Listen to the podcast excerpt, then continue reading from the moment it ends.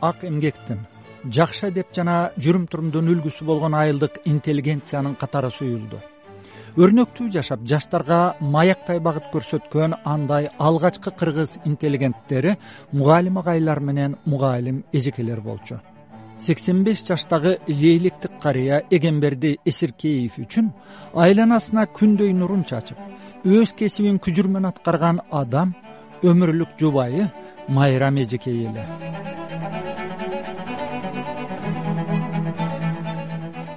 нуру менен караңгыны жарыткан ариптерди атыныдей тааныткан бул мугалим ушул майрам эжеке мезгил менен катар жүрүп жарышкан сый урматка бой көтөрүп көппөгөн жокчулукта ыйлап сыктап чөкпөгөн бул мугалим ушул майрам эжеке катар баскан алга жылган көч менен ардактаган аркалаган кесибин урмат менен ачып кирээр эшигин бул мугалим ушул майрам эжеке жөнгө салган аң сезимдин тетигин.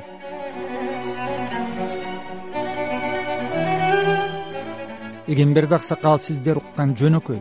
Бирок мааниси океандай терең жана кенен ыр саптарын бир миң тогуз жүз токсон бешинчи жылы көз жумган өмүрлүк жары майрам салямовага арнап жазган карыя алыста калган бүлбүлдөгөн балалыгын эстегенде биринчи класстан партада катарлаш отурган сепелек кыз майрам көз алдына тартылат.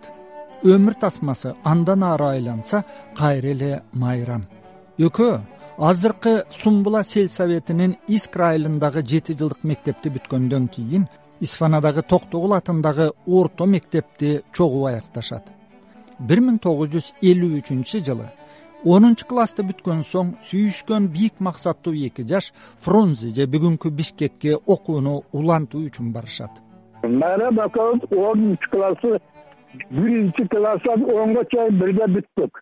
Аны окушка жөнөткөндөн кийин мен да окушка барып университетте тапшырып биология факультетине өтүп калдым.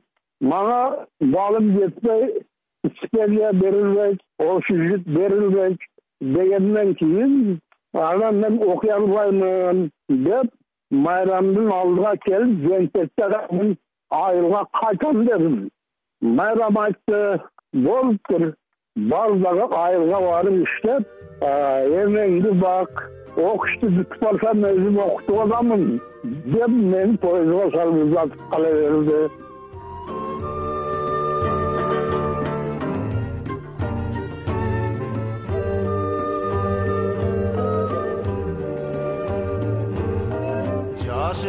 шайыр шаттангын алыска сапар аттангын кыймылдап поезд баратсаң ыйкылдырып көздөн жаш тамгын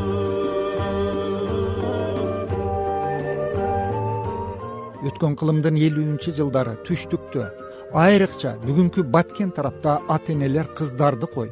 Балдарын да өздөрү чыгынып борбор шаар бишкекке же ошко окууга жибергенден кооптончу түз айтканда эл билимдин күчүн сезгени менен окуунун зарылдыгын түшүнчү эмес.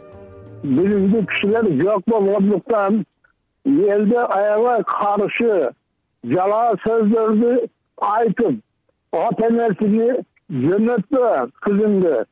Кызың орус болуп кетет кызың мындай кийимдерди кийип жаман жорукка өтүп кетет деген ата энесини талап көп туугандары каршылык көрсөткөн бирок агасы ушунчалык чечкиндүүлүк менен ага карабай окушка зорлук кылып жөнөткөн дейт эгемберди аксакал ал күткөн махабаты майрам институтту бүтүп келгенден кийин сырттан окуп ош пединститутунун биология факультетин аяктаган жана пенсияга чыкканча мугалимдик кесипти аркалаган. Ал бүтүп келгенден кийин окутуп алды. Мен заочный бүттүм оштон алтымыш бешинчи жылы. Ал учурдагы элдин түшүнүгү жөнүндө алтымыш алты жаштагы абдрахман байтөреевдин кебин угалы эң татаал шарда шартта барышкан булар бишкекке фрунзеге себеби ал кыздар ал мезгилде кыздарды жаш жаш эле турмушка берип окутуш жөнүндө вообще түшүнүк караш башкача болчу. Анын үстүнө дин э, басымдуулук кылып турган ошол мезгилде. Анан бир кокустан барып окуп калышкан да бир үч төртөө болуп э, анан ошо майрам эже теңдүү дагы бир айша деген эже экөөбүз бир ал дагы жетим калып детдомдо чоңоюп ошол жакта жүрүп окуп бир кокустан барып калган. Эми ата энелери деле жөнөкөй эле айылда кедей дыйкан эле адамдардан болушкан.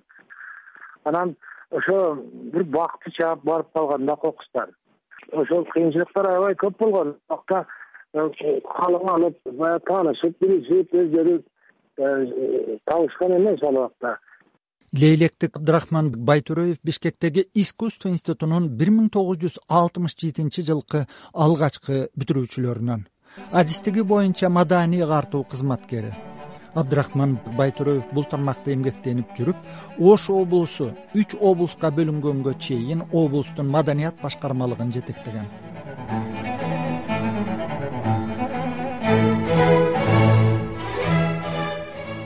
лейлек баткен райондорундагы кыз келиндердин арасынан биринчи болуп жогорку билим алган адис педагог майрам салямова жөнүндө угуп жатасыздар. Майрам салямованын бишкекке барып окуп калуусунда эки нерсе чечүүчү ролду ойногон.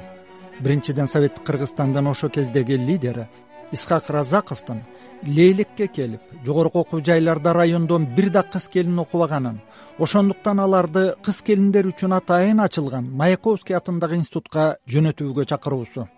Экинчиден майрамдын бир тууган агасы баба салямовдун лейлек райондук партия комитетинде катчы экени элүү үчүнчү жылдары элдин жашоо турмушу да оор болгон окуу жайга балдар тартылган эмес эми жогорудон разаковдун көрсөтмөсү менен райкомго райсполкомго көрсөтмө телеграмма жөнөтүп тез онунчу классы кыздарды жөнөттүңөр деген мана ошондо жалгыз бүтө майрам онунчу классы бүткөн мана ошону анасы салямова баба деген киши райкомдо секретарь катчы болуп иштеп турган. Мана ошол киши кийлигишип өз колу менен эрденеев деген киши кошулуп алып барып пединститутка таштап келген. Ата энеси каршылык кылган жөнөтпөйбүз деп. Бирок ошого караган эмес. Баткен сыныптын лейлекте жалгыз бүтө майрам бүтүп келди жогорку билимдүү болуп. Дейт эгемберди карыя майрам салямова бир миң тогуз жүз элүү жетинчи жылы маяковский атындагы кыз келиндер институтун бүтүп келгенден кийин исфанадагы мурда өзү окуган токтогул атындагы мектепте эки жыл тарыхтан сабак берет. бир миң тогуз жүз элүү тогузунчу жылы болсо жаңы ачылган кулунду орто мектебине директор болуп дайындалганын айтат. Лейлек райондук ата журт гезитинин чаалык бас редактору көй кашка акын абдилаат дооров алгачкы кыздардан э, окуп бүткөн кыздарыбыздан да алгачкылардан. Э, эми ал мезгилде действительно биздин э, аталарыбыз энелерибиз бир аз кыздарын жанагы бишкекке жөнөтүүдөн чочулаган да. Чочулап жөнөтүшкөн эмес. Негизи балдар деле ал убакта аз барган окууга. Уул балдар деле. Ошол эң алгачкы кыздардан бишкекке келип келин кыздары институтун бүтсө керек эле ошону бүтүп барып активистка болуп элдин ичинде. Кулунду орто мектеби чоң мектеп да. Ушул чоң мектепти башкарган алгачкылардан болуп. Жанагы эл көчкөн да кулундуга ошол мезгилде жаңыдан көчүрмө болгон чоң кулунду айылынын борбордук айылдын владимир ленин атындагы орто мектебинде ошо бул киши ушу директорлук кылган майрам салямова директор кезде кулунду орто мектеби ош облусундагы алдыңкы мектептердин тизмесине кирет. Мектепте музей түзүлөт. Жыйырма беш гектар жерге пахта себилип окуучулар бригадасы гектарынан жыйырма беш центнерден ак алтын терет. Бул окуучулар бригадасы түгүл. Орто чарба үчүн да жакшы көрсөткүч эле бир миң тогуз жүз алтымыш жетинчи жылы майрам салямова өз айылына келип эки жыл сумбула селолук советине төрайым болуп иштейт. Андан соң пенсияга чыкканча мугалимдик кылып жүрүп кажыбас эмгеги үчүн ардак белгиси жана эмгек кызыл туу ордендери менен сыйланат. Айылдык советке жана райондук советке бир нече ирет депутат шайланат. Күйөөсү эгемберди эсиркеев экөө жети уул кызды тарбиялап чоңойтот. Алардын баары жогорку билим алат майрам салямова эки миң онунчу жылы көз жумат мектепте окуп жүргөндө майрам салямова ал теңдүү кыздар үчүн идеал болгонун айтат.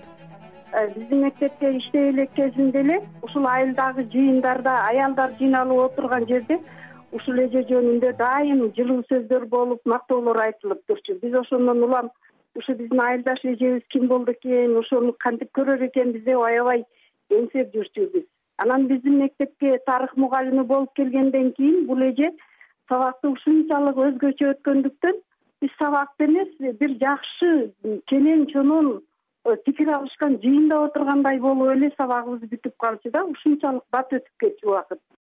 Майрам салямованы билгендер лейлек сүлүктүү баткен аймагындагы кыздардан биринчи болуп жогорку билим алган бул чыгаан эжелеринин ысмы улуу муун менен кошо унутулуп баратканына өкүнүшөт алардын бири абдырахман байтүрөев мындай дейт. Мынандай кыздарды чыгарбасак ушундай чыныгы иштеген кыздарды чыгарбасак кандай болсун анан колунда бар эле бир э, пахта бригадири пычан бригадири чөп бригадири болгондорду чыгарып коюшат.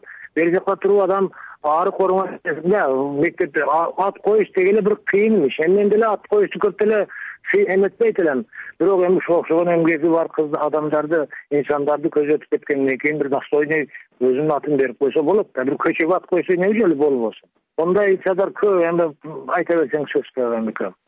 Акын журналист абдилат дооров болсо. Э, бул кишинин атыны жанагы өздөрүнүн айылында андарак айылында манас орто мектебине коебуз деп дагы кичине демилге көтөрүшкөн. Бирок бул э, ишке ашкан жок бирок коюуга татыктуу да татыктуу бул эжебиз анткени э, кыз балдардан эң алгачкылардан болуп баш көтөрүп элдин башында турган эжелерибизден да. Бүгүн кыргызстанда мектептерге көчөлөргө эмгеги жаштарга үлгү болчу мээнеткеч бирок албан иштерди жасаган адамдар эмес.